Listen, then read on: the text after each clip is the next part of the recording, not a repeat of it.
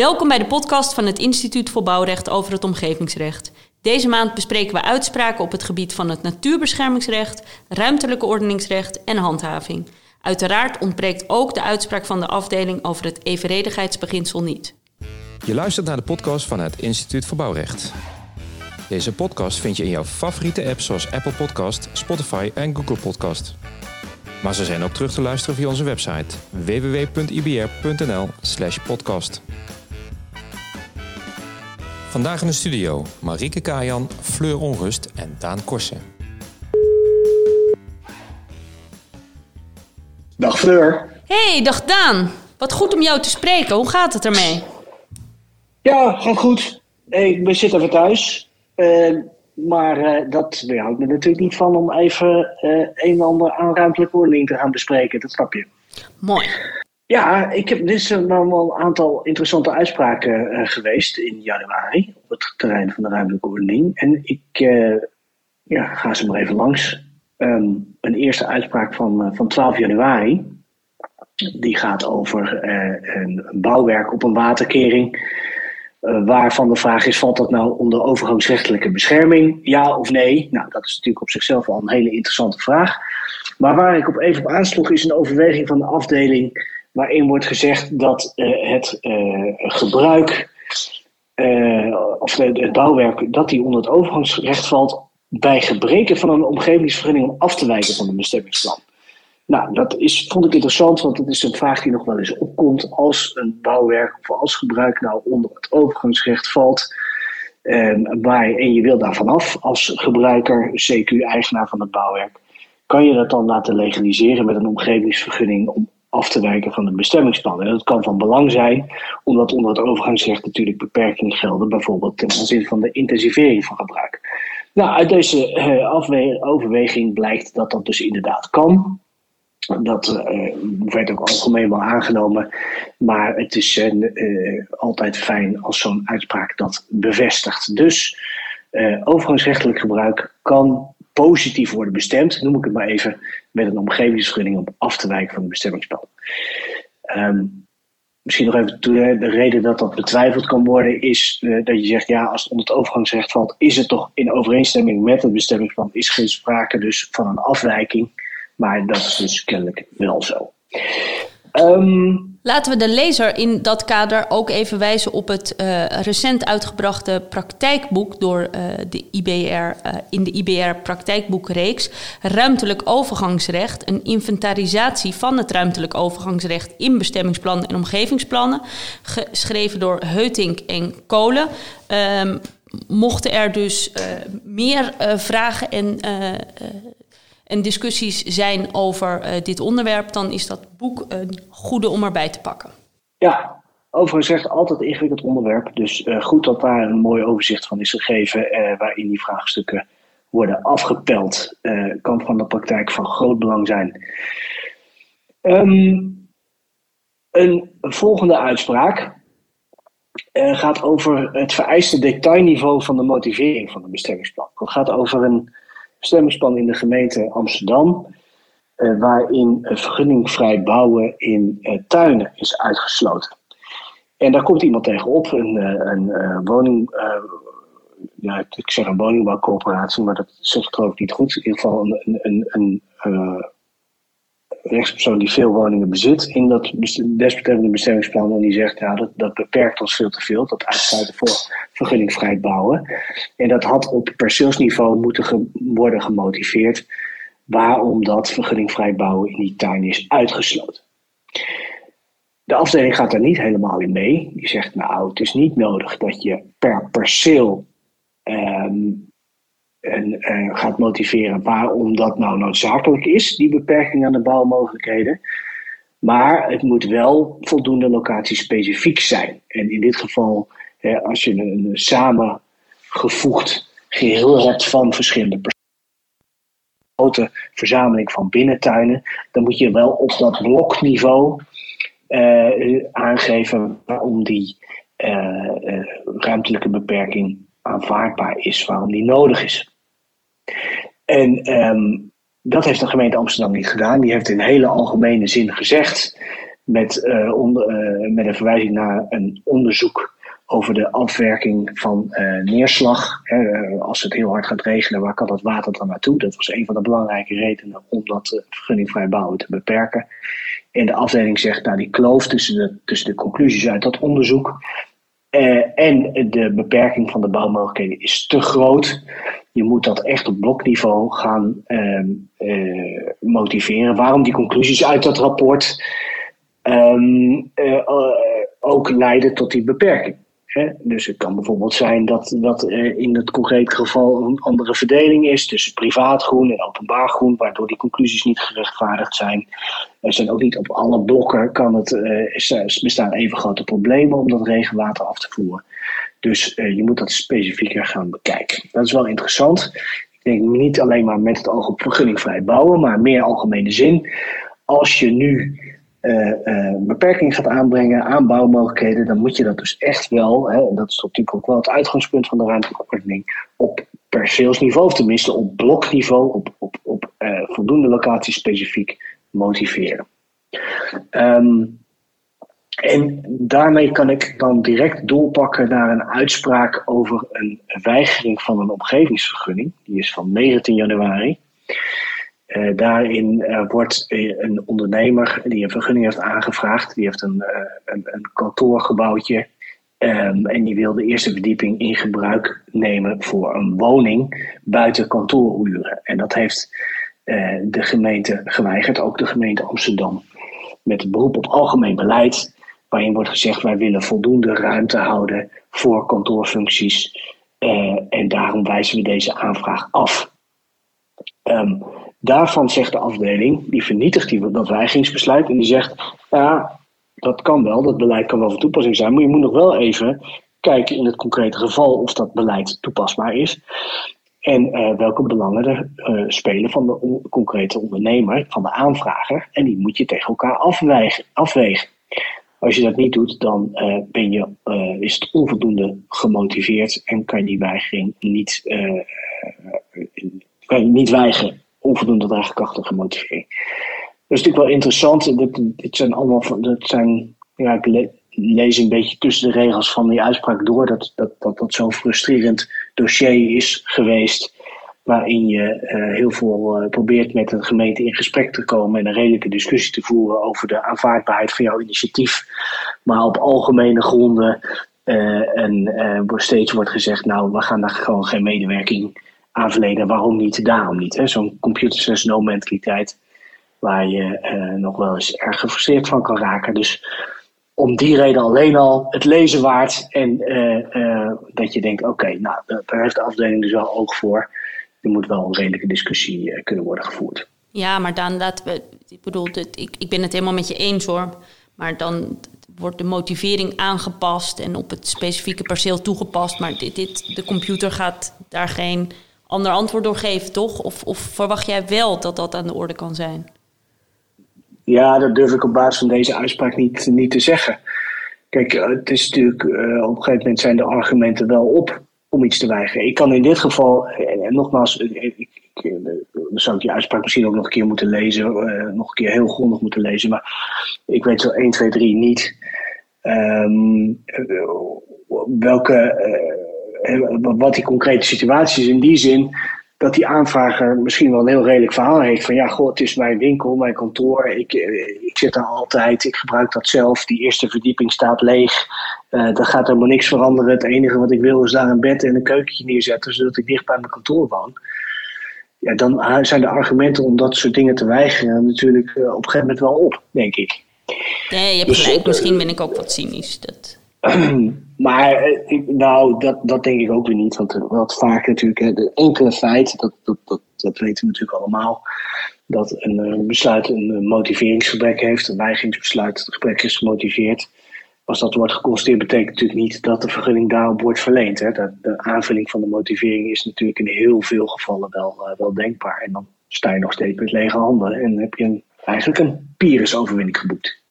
Dan heb ik nog een uitspraak van 19 eh, januari uh, ook, jongsleden. Um, en die gaat over parkeren. En die, die, noem ik omdat ik hem niet helemaal goed kan plaatsen in de vaste jurisprudentie.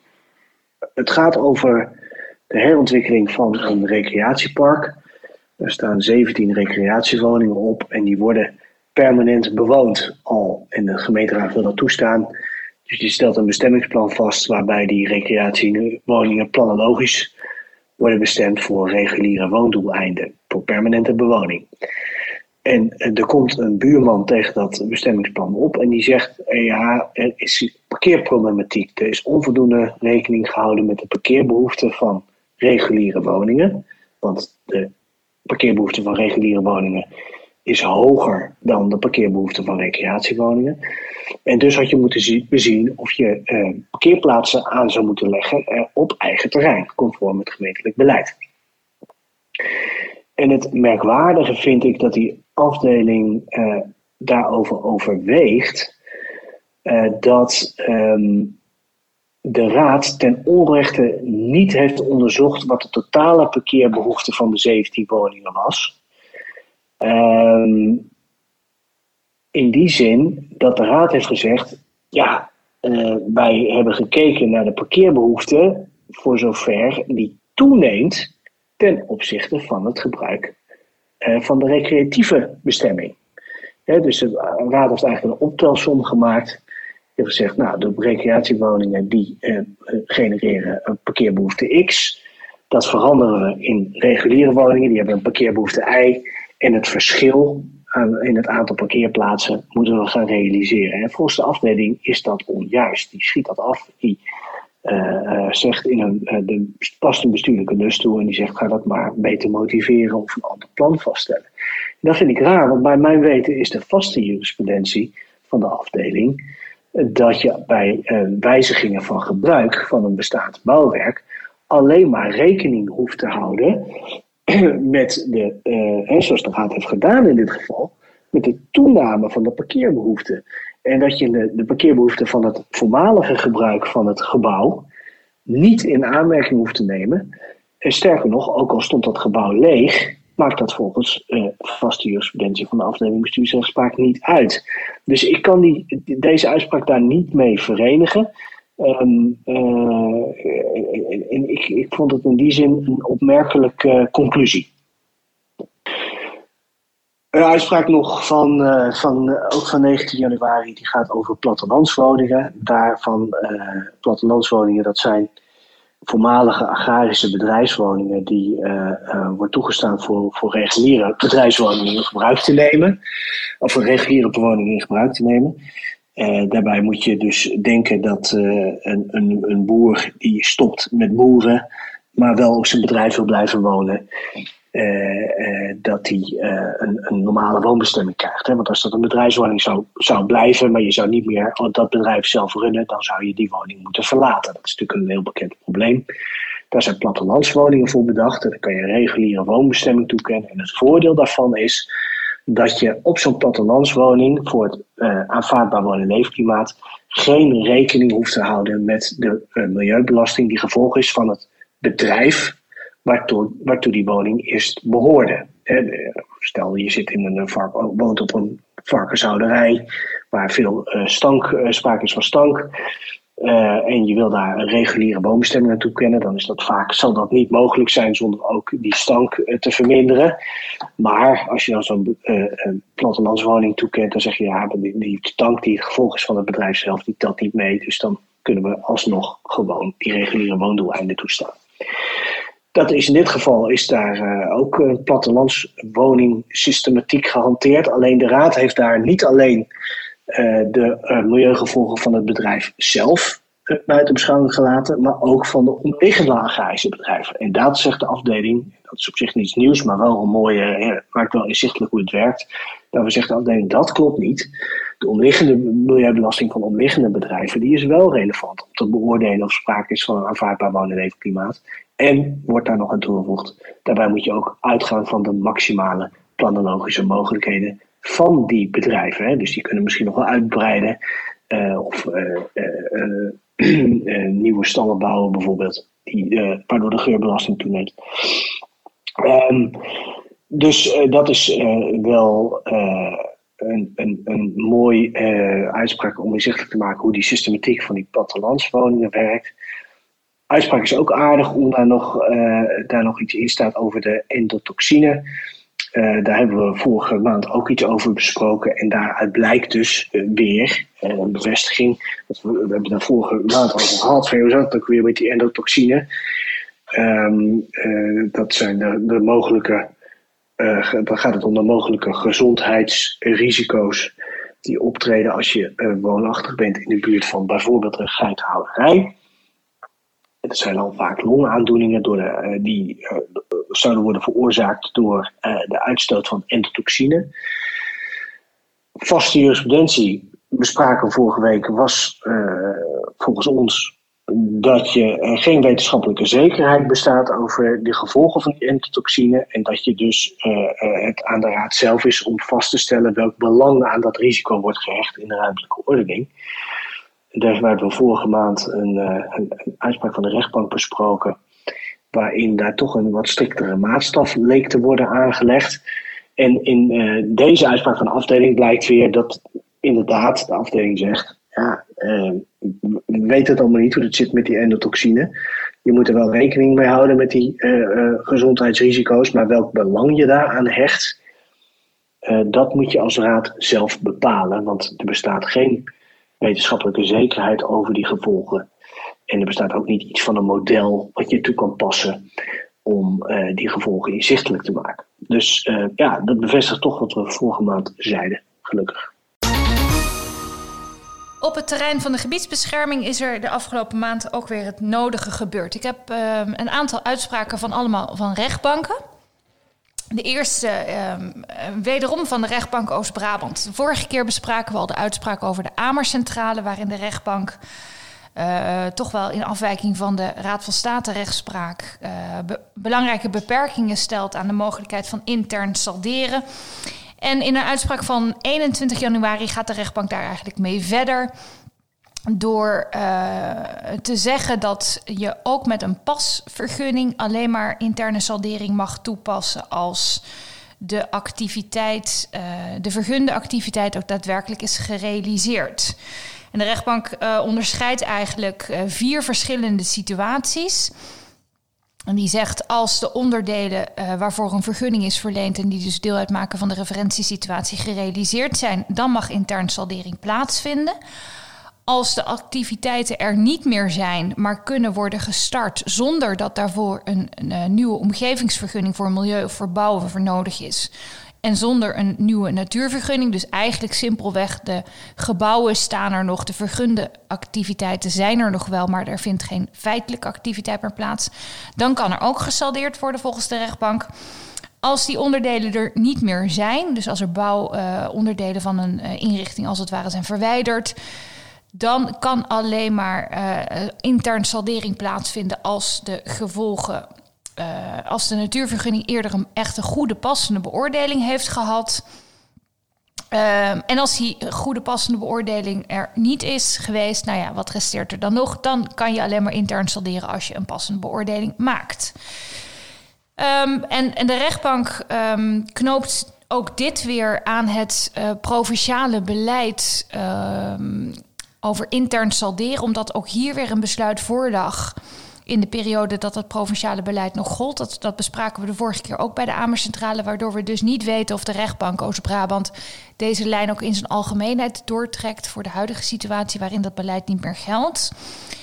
Um, en nogmaals, de rechtbank Oost-Brabant is hiermee veel strenger dan wat de afdeling bestuursrechtspraak doet. Want die zegt eigenlijk simpelweg, nou ja, als jij een natuurvergunning hebt Um, interesseert het mij niet meer of de activiteit waarvoor die natuurvergunning is verkregen gerealiseerd is, ooit gerealiseerd is, ooit um, uh, of die activiteit nog bestaat. Maar je kunt gewoon met die natuurvergunning sal salderen, intern salderen.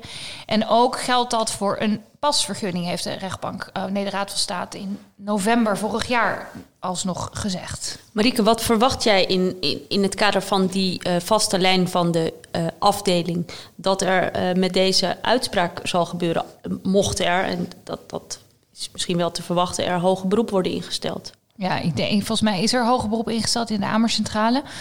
Um, kijk, als je het heel um, juridisch bekijkt, zou je volgens mij moeten zeggen: ja, de wet zegt nu intern salderen is niet vergunningplichtig. Dus je kunt daar als rechter dan vervolgens ook niets meer mee. Het lastige is dat, uh, zeker in die Amercentrale, zag je een intern salderingsprocedure en een verzoek om intrekking van een oude natuurvergunning door elkaar heen lopen. En dan krijg je natuurlijk de verschillende uh, discussies ook, want dan krijg je parallel aan de vraag uh, kun je een nieuwe activiteit realiseren met intern salderen? Ook de vraag, ja, kan je eigenlijk nog wel die oude natuurvergunning gebruiken of had je hem onder 5.4 lid 2 moeten intrekken als passende maatregel? Dan verschuift het een beetje. Dan krijg je die twee sporen die met elkaar verweven raken. Maar ja, ik zou het raar vinden um, als de Raad van State um, een andere lijn kiest. Aan de andere kant. Een andere lijn dan de, de, dan, de geldende nu, dan ze nu hebben. Aan de andere kant is het wel zo dat uh, zoals de discussies over intern salderen nu gevoerd worden bij de rechtbank Oost-Brabant, zo zijn ze, bij mijn weten, nog nooit gevoerd bij de Raad van State. Dus de Raad van State heeft zich nog nooit zo heel erg tot in detail hoeven uit te laten over de vraag: vind ik dit wel in overeenstemming met Europees recht? Dus het kan best zijn dat dat daar het verschil zit uiteindelijk. En dat, dat de, de uitspraken van de rechtbank Oost-Brabant zijn wel zo opgeschreven dat je ook echt wel daar iets van moet gaan vinden in hoger beroep als Raad van State. Dus het kan zijn dat het verandert. En tegelijkertijd, misschien als derde pijler, zie je dat ehm, er, nou ja, politiek bestuur politiek bestuurlijk een discussie loopt over... moeten we toch intern salderen niet weer vergunningplichtig maken... Want dan kunnen we inderdaad paal en perk stellen aan het nou ja, uh, onbegrensd intern salderen wat de Raad van State nu mogelijk maakt. Namelijk met een natuurvergunning die ergens nog geldt, die al lang niet meer gebruikt is, maar die eigenlijk nog het vergunde recht geeft op een toename van stikstofdepositie.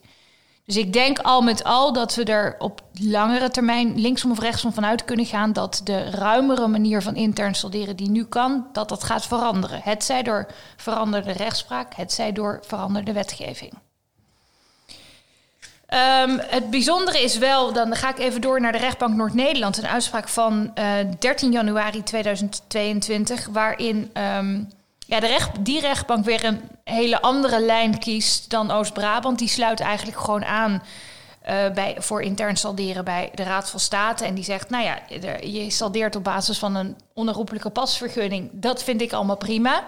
Want die geldt gewoon, zegt de Raad van State in de uh, pasuitspraken. Dus die mag je ook nog gebruiken voor intern salderen. Daar werd ook nog in die procedure aangevoerd dat die pasvergunning niet gebruikt mocht worden, omdat die inmiddels zou zijn vervallen. En daarvoor is van belang dat in veel pasvergunningen um, staat dat de vergunde activiteit binnen twee jaar na onherroepelijk worden van een vergunning moet zijn gerealiseerd. Vanuit, dat was de gedachte onder het pas dat je niet te lang het recht mocht hebben op de ontwikkelingsruimte uit het pas. Dus je kreeg een bepaalde periode dat die activiteit gerealiseerd moest zijn. En dan zou de vergunning kunnen worden ingetrokken. En de rechtbank zegt daarvan dus ook, ja, dat betekent dus in lijn met rechtspraak van de Raad van State niet dat die pasvergunning na twee jaar is vervallen. Hij kan worden ingetrokken, maar ja, zolang die niet is ingetrokken, geldt die pasvergunning nog steeds en kun je die dus gebruiken voor intern salderen. Um, dan ga ik uh, snel door naar de nog, nog een uitspraak van de rechtbank Noord-Nederland, uh, die ik even wilde noemen. Het is een uitspraak van 3 februari 2022. Die wilde ik niet noemen vanwege stikstof, maar vanwege de uh, discussie die we de vorige podcast hadden over de vraag of je nou van de uh, reguliere procedure van de WABO uit moest gaan of uh, van de uitgebreide procedure als een besluit zou voorliggen waarbij het verdrag van Aarhus van toepassing was. Vorige keer zeiden we van ja, het is een beetje raar als je um, in afwijking van de WABO de uh, uitgebreide procedure zou toepassen. Want de Raad van State vindt dat je de WABO-procedures dwingend zijn voorgeschreven. En als je zelf als bestuursorgaan zou kiezen voor een 3-4-procedure waar de WABO zegt... en de reguliere procedure zou je ten nadele van een bepaalde partij het uh, Europees recht inroepen. Nou, hier zegt de rechtbank Noord-Nederland in een voorlopige voorzieningsprocedure over een omgevingsvergunning voor een mountainbike-route. Um, ik vind dit een het was een omgevingsvergunning voor afwijken van het bestemmingsplan en voor de aanleg van de mountainbikeroute. Um, en de, de, rechtbank zegt in een voorlopige voorzieningsprocedure: Ik vind dit een besluit met uh, potentieel gevolg voor Natura 2000 gebieden, want de mountainbikeroute gaat deels door een tweetal Natura 2000 gebieden. Dat betekent dat je inspraak moet bieden, zoals het verdrag van Aarhus zegt. En dat betekent in ons rechtssysteem afdeling 3-4 volgen. Um, en omdat de WABO dwingend voor, voorschrijft dat je de reguliere procedure moet doorlopen en niet rivier, is ons WABO-systeem op dat punt niet correct geïmplementeerd. Zeg maar, de, vertoont de WABO niet uh, de goede implementatie van het verdrag van Aarhus. Dus dat is precies waarvan we de vorige keer dachten: hoe zit dat nou? Nou dit is dus nog maar een voorlopige voorzieningsprocedure, dus we zullen zien wat uiteindelijk uh, in de bodemzaak of in, door de afdeling hierover wordt gezegd. Ik dacht dat het toch goed was om die even te noemen. Um, en dan een laatste uitspraak die ik wilde noemen, ook om te laten zien dat uh, gebiedsbescherming niet alleen maar over stikstof gaat, is die van de rechtbank Gelderland van 12 januari voor, van dit jaar. Uh, de weigering van een, natuurvergunning voor een zonnepark, omdat de aanleg van dat zonnepark de leefgebieden van de wespendief, de boomleeuwerik en de roodborst tapuit zou aantasten. Nou, daar zie je dan, dat is weer een echte ecologische beoordeling, met, met, uh, waar het gaat van, over een discussie tussen het enige deskundige rapport tegen het andere deskundige rapport. In die zin is die juridisch, zijn dat soort zaken nooit zo spannend om te vertellen, maar ik dacht toch goed om hem hier even te melden. En dan tenslotte op het meer beleidsmatige vlak. Um, Um, de discussie over wel of niet extern salderen. Um, in de pers vorige week, provincie Overijssel, die aangaf: ja, wij schorten uh, de mogelijkheid voor extern salderen in onze provincie voorlopig maar even op. Omdat de Raad van State in de uitspraak die we hier ook hebben besproken van 24 november vorig jaar aangeeft dat je alleen maar mag extern salderen als je kunt laten zien dat je voldoende passende en instandhoudingsmaatregelen treft. Um, nou, uh, tegelijkertijd, geloof een dag later, zei Gelderland, die tot nu toe in haar beleid extern salderen nog niet mogelijk maakte. Wij stellen extern salderen open. Nou, dat is allemaal heel spannend. En tot slot nog een brief van de provincie Noord-Holland aan de minister voor Natuur en Stikstof. Um, de brandbrief waarin men zegt. Um, het duurt te lang. Wij, uh, met mooie zin, het voelt als staan op een ijsschots die steeds kleiner en daardoor instabiel wordt. Wij weten niet hoe we nog vergunningen kunnen verlenen. Kortom, minister, ga hard aan de slag met het pakket aan bronmaatregelen. En denk na, en daar komt hij weer, de herinvoering van een vergunningplicht bij intern salderen. En misschien een systeem voor natuurneutrale wijzigingen.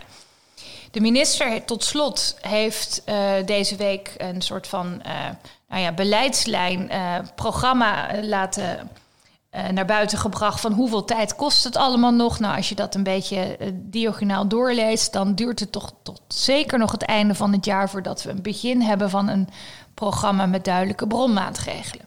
Kortom. misschien net op tijd voor de inwerkingtreding van de omgevingswet dus. In, ja, als die op 1 januari 2023 wel echt gaat komen, dan, uh, dan misschien. Maar goed, dus allemaal chaos in beleidsland, zou ik het maar even zo willen noemen. En we zullen zien uh, waar ons dat uh, toe brengt. Op het gebied van handhaving twee uitspraken van uh, één van de rechtbank Zeeland-West-Brabant en één van de rechtbank Midden-Nederland, die ik graag wil bespreken. Het gaat om uh, een uitspraak van de rechtbank Zeeland-West-Brabant van 25 januari van dit jaar. Uh, dat was een. Het, het, ging om een verzoek om handhaving. dat was afgewezen. Ehm, wat was er aan de orde? Ehm, het bevoegd gezag, het college, zei uh, er is een vergunning verleend, dus uh, daarom gaan we niet handhavend optreden. Uh, en dat werd ter discussie gesteld. twee eisers die betwisten dat voor een bepaalde straalcabine een omgevingsvergunning was verleend. Um, de, de derde partij die was op het moment van de aanvraag namelijk nog geen eigenaar van het perceel. En de aanvraag zou bovendien betrekking hebben op een perceel met een, een ander perceelsnummer. En Ten slotte zeggen ze nog, ja, in die hele omgevingsvergunning waar iedereen op wijst, wordt helemaal niet gesproken over een zogenaamde straalcabine. En de rechtbank die neemt dat langzaam door en die zegt, nou ja, Volgens mij is er uh, uiteindelijk komen ze tot de conclusie dat er wel een vergunning is verleend. Ze kijken naar. De rechtbank overweegt dat het college bij het beoordelen van de aanvraag moet uitgaan van de inrichting met de activiteiten zoals aangevraagd. Nou, dan kijken ze naar een oudere aanvraag uit 2001. daar worden werkzaamheden genoemd die onder meer het, het veranderen of het vergroten van een opslag loods, maar ook die zogenaamde straalcabine betreffen. Dan komt er later in 2003 nog een nieuw besluit dat vermeldt dat. Uh, daar, daar zitten allemaal tekeningen bij. En die tekeningen heb je een plattegrond nieuw en een plattegrond bestaand. En uh, op die plattegrond nieuw staat uh, de straalinrichting glansparel ingetekend. En die staat niet op de plattegrond oud. Nou goed. Uh, ter zitting wordt dan nog eens bevestigd dat in 2003 inderdaad die uh, straalcabine uh, aangevraagd is. Um, nou, hele discussie daarover, maar uiteindelijk zegt de rechtbank het feit dat niet op de aanvraag is vermeld dat die ook betrekking had op een ander perceelnummer, want daar gaat het dan ook nog over leidt niet tot een ander oordeel, want op die plattegrond is duidelijk te zien dat uh, dit, dit, dit, deel, die straalcabine, daarop staat.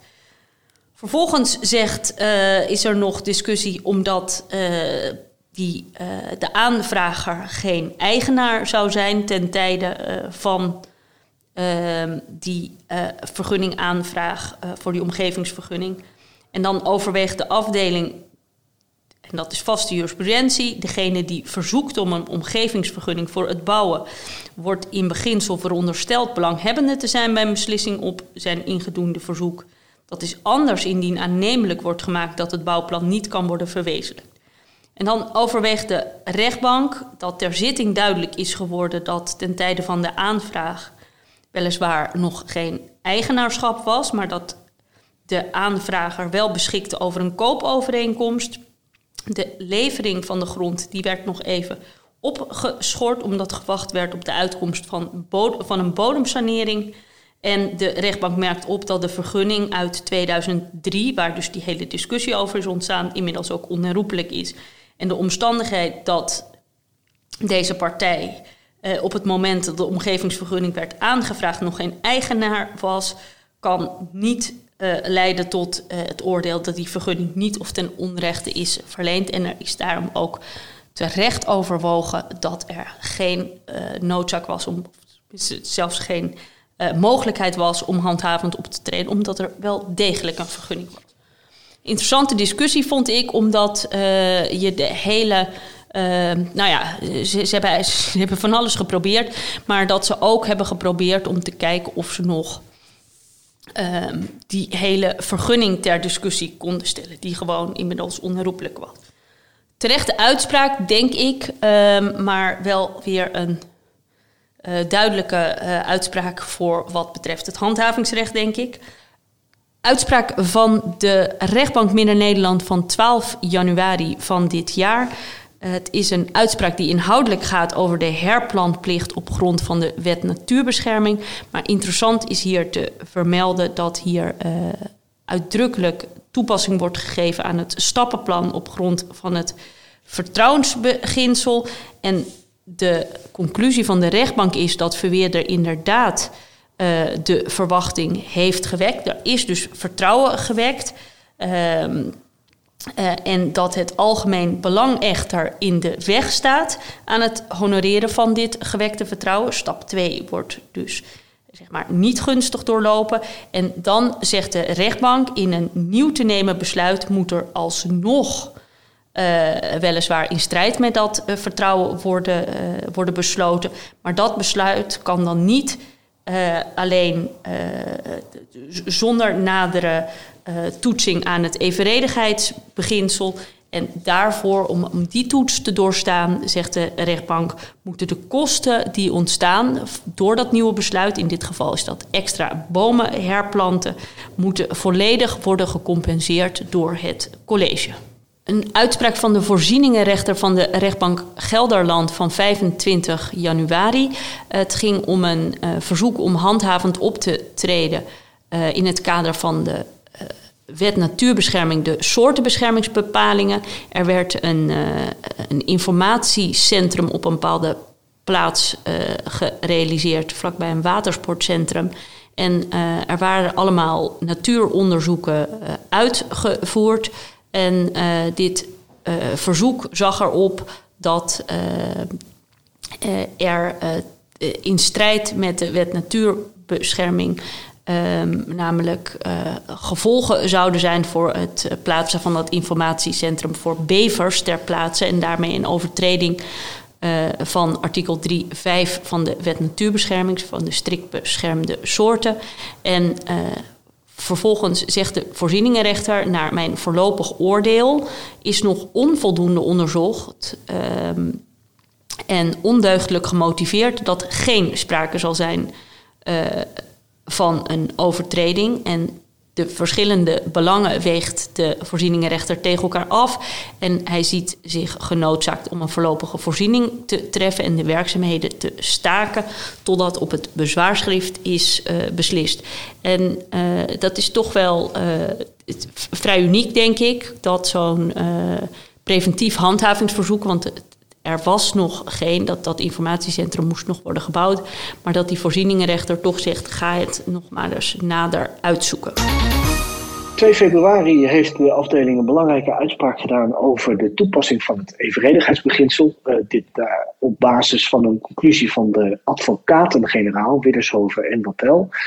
Uh, die conclusie hebben wij eerder besproken in de podcast, maar daar is nu een einduitspraak over gewezen waarin de afdeling uiteenzet hoe moet worden getoetst aan het evenredigheidsbeginsel zoals dat is neergelegd in artikel 3, 4, tweede lid van de Algemene Wet Bestuursrecht. En dat is interessant, want in navolging van de conclusie van de AG's zegt de afdeling, nou, we gaan niet meer toetsen aan de willekeurstoets, die uh, volgt uit het klassieke uh, uitspraak Max Praxis. Um, waarin wordt gezegd, uh, is bij afweging van alle betrokken belangen in redelijkheid tot het uh, betrokken besluit gekomen. Maar in plaats daarvan gaan we echt toetsen op evenredigheid. En dat uh, daarbij nemen we de basis aan die ook in het Europese recht wordt gehanteerd. Namelijk is het, besluit, hè, een drietrapsraket, is het besluit geschikt om het doel te bereiken? Is het besluit noodzakelijk om het doel te bereiken en is de maatregel evenwichtig? Uh, de afdeling die plaatst daar wel wat kanttekeningen bij. De, de AG's gaan eigenlijk iets verder door dan de afdeling doet. Die neemt iets wat, iets wat gas terug. Die uh, zegt namelijk, nou, die drietrapsraket die is zeker van belang, hè, of die kan van belang zijn. Dat gebruiken we als een soort leidraad, maar niet in alle gevallen zullen die stappen even nadrukkelijk aan de orde komen, of zelfs in het geheel niet aan de orde komen. Dat hangt ervan af. We hebben te maken met een algemeen verbindend voorschrift of een beleidsregel dat executief wordt getoetst. Um, hebben we te maken met een belastend besluit of met een begunstigend besluit, uh, et cetera. Dus de, uh, daarbij zegt de afdeling, we moeten ook twee oriëntatiepunten hanteren. Het gaat uh, om de aard en het gewicht van de besluit, bij het besluit betrokken belangen. En ook bij de ingrijpendheid van het besluit, hè, waarbij dan meer betekenis komt, toekomt aan de fundamentele mensenrechten. En dat allemaal op één grote hoop gooien, dan komen we eigenlijk uh, ja, op een glijdende schaal van toetsingsintensiteit uit. dus je moet eigenlijk in het concrete geval bekijken hoe intensief wordt er getoetst. Um, nou, op zich een uh, heel belangrijke uitspraak natuurlijk, omdat daar uh, de, de lijnen duidelijk uiteen worden gezet. Maar zoals helaas wel vaker, als je natuurlijk dat af gaat pellen, hoe duidelijk is het nou? Eigenlijk zegt de afdeling, ja, we gaan in het concrete geval wel kijken hoe intensief we, we, toetsen. Dus um, het is even de uh, afwachting hoe dit nou daadwerkelijk vorm gaat krijgen in de jurisprudentie, denk ik. Uh, en, en, en wat daar nou precies de gevolgen van, van zullen zijn. Ehm, ik, ik, ja, het zou ja, want het is, het is nogal groots aangekondigd. Alsof, nou ja, alsof het een soort aardverschuiving tot gevolg zou hebben. Maar of dat nou daadwerkelijk in de praktijk eh, het geval zal zijn, dat vroeg ik mij wel een beetje af, moet ik zeggen. Ja, dat, dat gevoel heb ik dus ook wel. We hebben het bij die bespreking van die conclusie, en we hebben ook een beetje uh, cynisch uh, over gehad. Uh, ja, en, en... is misschien niet het juiste woord, maar een beetje met, met, een, met een slag om de arm in de zin van gewezen op de, op de jurisprudentie of de dienstenrichtlijn hè, in het ruimtelijk spoor, waarin ook die evenredigheidstoetsing aan de orde is. Ja, dat, dat leidt nou niet echt tot andere resultaten, naar mijn idee. Nee, en, en de afdeling doet in vergelijking tot de conclusie ook nog wel inderdaad, zoals je zegt, nog nog een klein stapje terug. Dus of dit nu zoveel verandert, dat vroeg ik me een beetje af. Ja, ja, de inhoudelijke consequenties. Het zou, best, het zou een andere kant op kunnen gaan, maar de inhoudelijke consequenties, ja, ik, ik, we weten dat uh, niet. Daar kan je best nog wel uh, over discussiëren, wat die inhoudelijke consequenties zouden moeten zijn. Wat denk ik wel goed is, is dat, dat je langs zo'n drietrapsraket natuurlijk uh, je, je uitspraken veel beter kan systematiseren en, en kan motiveren ook. Hè. Dat, dat biedt natuurlijk wel weer als, als zodanig wel winst. Dat, die willekeurstoets is natuurlijk altijd een beetje een zwart gat. Ja, en ik denk sowieso dat het ook de, de tijd uh, is waarin nader motiveren van juist dit soort stappen van groot belang is voor het draagvlak. Ja, nee, dat denk ik ook. En, en zeker in twee partijenverhoudingen kan je natuurlijk aan de hand van zo'n systematische uh, motivering, die je natuurlijk ook wel steeds meer ziet in die uitspraken van, uh, van de afdeling, kan je de uitkomst uh, beter rechtvaardigen. Dus het, het, is zeker toe te juichen, denk ik. Maar goed, nogmaals, de inhoudelijke consequenties ervan, die, die gaan we bezien. Um, hebt ook nog een varkens in nood uh, uitspraak, Fleur? Ja, een varkens in nood uitspraak of eigenlijk een... het is allemaal niet zo heel spannend, maar ik denk wel goed om eventjes hier aan de orde te stellen. dit was een doorbreking van een, een, uitspraak van de afdeling waarbij ze een eigen tussenuitspraak terugkomen op een eigen tussenuitspraak. En dat doen ze omdat ze zeggen uh, er is iets gewijzigd. Um, en wat is er dan gewijzigd? Uh, wat hier gewijzigd is, is uh, dat we inmiddels de varkens in nood jurisprudentie hebben. en dat is een groot verschil met de situatie ten tijde van de tussenuitspraak. Ja, dus in de tussenuitspraak is iemand niet ontvankelijk verklaard. En in de einduitspraak wordt ja. gezegd: oh, wacht even. Ja. Dat hebben we met terugwerkende kracht niet goed gedaan. die beroepen worden alsnog geheel ontvankelijk verklaard. En dan zegt de afdeling, uh, dan, verwijzen ze naar die varkens in nood uitspraak die van 17 november. En uh, ook naar het uh, arrest van het Hof. En naar andere uitspraken nog van 14 april en die van 4 mei en 30 juni uh, van vorig jaar. En uh, daar wordt dan overwogen voor het antwoord op de vraag of de beroepen ontvankelijk zijn, is beslissend of ze belanghebbend zijn. Uh, en omdat hun percelen direct grenzen aan het plangebied, wordt geoordeeld dat zij belanghebbende zijn bij het plan hier aan de orde. Uh, en bijzonder is natuurlijk omdat er in het algemeen niet wordt teruggekomen op hetgeen in een tussenuitspraak is overwogen. En dit is zo'n uitzonderlijk geval waarin dat wel aan de orde was uitspraak van de afdeling is uh, van 26 januari van dit jaar. Oké. Okay. Nou, dan om het uh, procesrechtelijke trio even af te ronden. Uh, of algemene bestuursrechtstrio. We hebben ook nog de grondenfuik-uitspraken van 9 februari. Um, eigenlijk vooral baanbrekend juist niet in het omgevingsrecht. Want er zijn twee uitspraken geweest uh, waarbij de één uh, zaak is die niet in het omgevingsrecht speelt. Waar de afdeling zegt, nou we laten de grondenfuik varen. En de grondenfuik betekent dat je in uh, hoger beroep ten opzichte van het beroep in eerste aanleg niet met aanvullende gronden mag komen, redenen mag komen dat het besluit onrechtmatig is.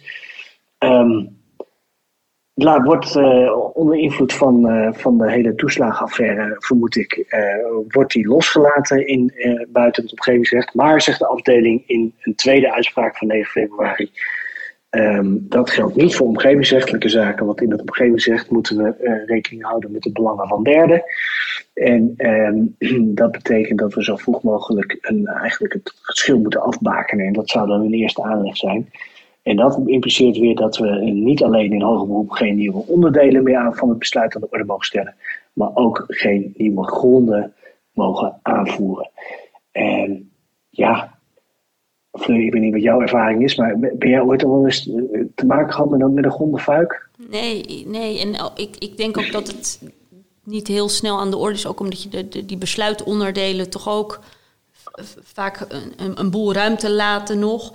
Ehm, eh, maar eerlijk gezegd, ik, ik, ik, ben, ik heb nog nooit een procedure gehad waarin dit voor, voor mij of voor een, een, een andere partij in die procedure ehm, aan de orde is gesteld van u, u heeft dit niet aangevoerd op die manier. Het is, het is denk ik wel eens voorbij gekomen, maar nou, het, het denk ik op één hand te tellen. Ja, ja, ja ik, heb, ik heb natuurlijk ook wel. Het is ook wel ingewikkeld onderscheid tussen onderdelen en wat zijn gronden en wat zijn argumenten voor je gronden en, wat kun je dan allemaal wel en niet aanvullen. Maar mijn ervaring is ook dat je in de eerste aanleg, ja, dat er toch al wel een neiging eh, bestaat om alles eh, op tafel te gooien. Uh, en dat je het in hoger beroep pas. Uh, ja, het is strategisch ook helemaal niet handig, lijkt mij, om dan zaken achter de hand te houden bij de bestuursrechter in eerste aanleg. Maar goed, um, kan natuurlijk onbewust zijn. Maar um, ja, het gebeurt natuurlijk ook nog wel in procedures waar mensen in eerste, uh, in eerste aanleg, of althans in uh, de bezwaarprocedure of zienswijzeprocedure, zonder advocaat procederen en later worden bijgestaan.